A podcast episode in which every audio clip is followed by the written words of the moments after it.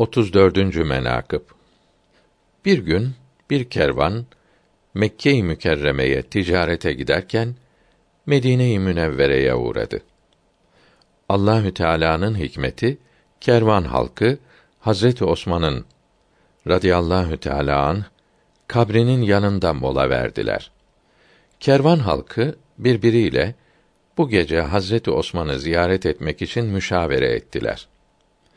Ertesi günü Sultanı Kainat sallallahu teala aleyhi ve sellem hazretlerini de ziyaret edeceklerdi. Bütün kervan halkı Hazreti Osman'ın radıyallahu teala an kabrini ziyaret için abdest aldı. Meğer içlerinde bir rafizi varmış. Lakin onu bilmezlerdi. Buna da teklif eylediler. Bin türlü bahane bulup ziyarete gitmedi. Çadırlardan kervan halkı gittikten sonra bir büyük arslan geldi. O Rafizi'yi başından kavradı.